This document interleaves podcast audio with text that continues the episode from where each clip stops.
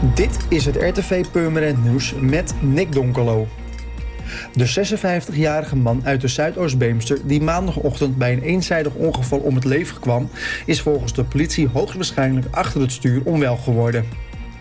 Maandagochtend rond 11 uur kreeg de politie de melding dat aan de middenweg in de Zuidoost-Beemster een ongeval had plaatsgevonden. Een automobilist was van de weg geraakt en tegen een boom gebotst. De hulpdiensten probeerden de man nog te reanimeren, maar hun pogingen waren tevergeefs.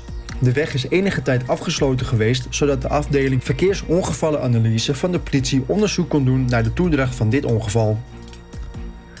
10 Noord-Hollandse podia, waaronder het Permanentse P3, presenteren het gratis online NA Pop Festival. Het programma loopt uiteen van punk tot hip-hop, met gevestigde en nieuwe namen. Van Roetstok met Tim Knol tot catchy nederpopliedjes van Wies en de energieke rock van de Overslept. Het NH Popfestival is een samenwerking tussen 10 poppodia, waaronder de Patronaat, De Forstin, P60, Q-Factory en Podium De Fluxen. Het NH Popfestival is op zondag 9 mei en begint om 3 uur. De streams zijn gratis te bezoeken via nhpop.nl-festival. Een 35-jarige Purmerender hoorde afgelopen week 46 dagen gevangenisstraf, waarvan 30 dagen voorwaardelijk en een werkstraf van 80 uur tegen zich eisen.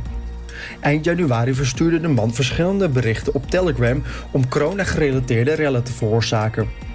In de Purmerendse bakkerij zorgde dezelfde man voor onrust door een kopstoot te geven aan een medewerkster. Het slachtoffer attendeerde de man op de mondkapjesplicht. De straf die de man van de politierechter kreeg is gelijk aan de eis van de officier van justitie.